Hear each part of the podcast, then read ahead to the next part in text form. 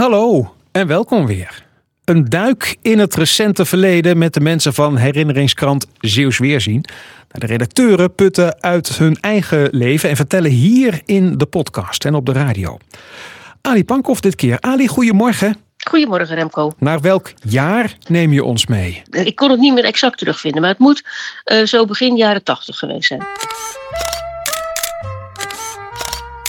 We zijn dan in Ouwekerk. Ik, wij woonden zelf dan wel in Zierikzee nog steeds. Maar wij waren uh, fanatiek lid van toneelvereniging Ouwekerk. En daar speelden we jaarlijks uh, nou, twee, twee uh, avondvullende stukken. Maar het was wel het kluchtenrepertoire waarvan je zegt no, no, no, no, no.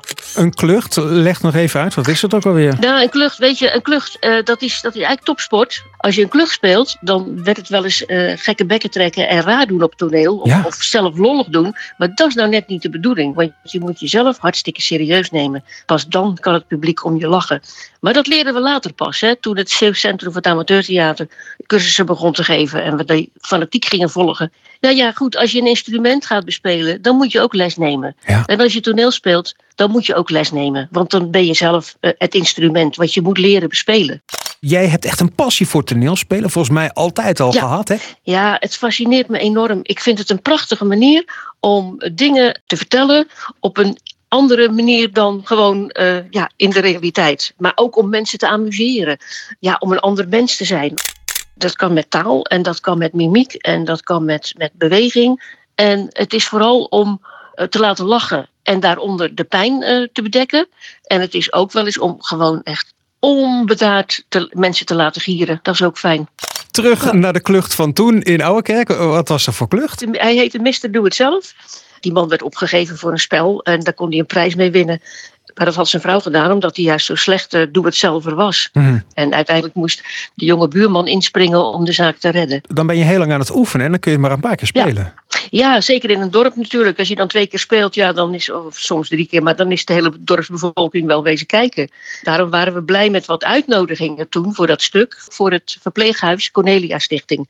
En die mensen zaten ook een beetje te suffen in die zaal. En dat zag mijn man, die de regisseur was. Dus die kwam ons op het hart drukken, ons, hè, de kast. Jongens, hard praten, anders dan vallen die mensen echt in slaap. En op dat moment ging directeur Ad Schouw, die ging de avond openen. En die riep nog even mijn man op het podium als regisseur om iets over het stuk te vertellen. Nou ja, hij kon zijn zin niet afmaken, want vanuit de zaal kwam er dus een hele harde roep. Meneer Pannenkoek, kan een beetje harder? Je snapt dat wij als cast, ja, ja wij lagen natuurlijk in, in een deuk. Ja. En toen kwam hij terug en toen keek hij ons eens aan. En wij hebben eigenlijk alleen maar heel besmuikt naar hem gelachen. Moet je zeggen.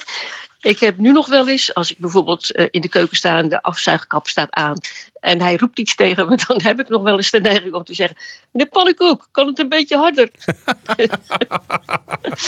Ali Pankov, dankjewel dat je ons even meenam in jouw eigen leven naar de klucht. In nou, ergens de jaren tachtig was dat. Goed je weer te spreken. Heel graag tot de volgende keren. Dankjewel, tot ziens. En alle verhalen van de redacteuren van Zeeuws Weerzien hoor je en lees je natuurlijk op zeeuwsweerzien.nl. Tot volgende keer.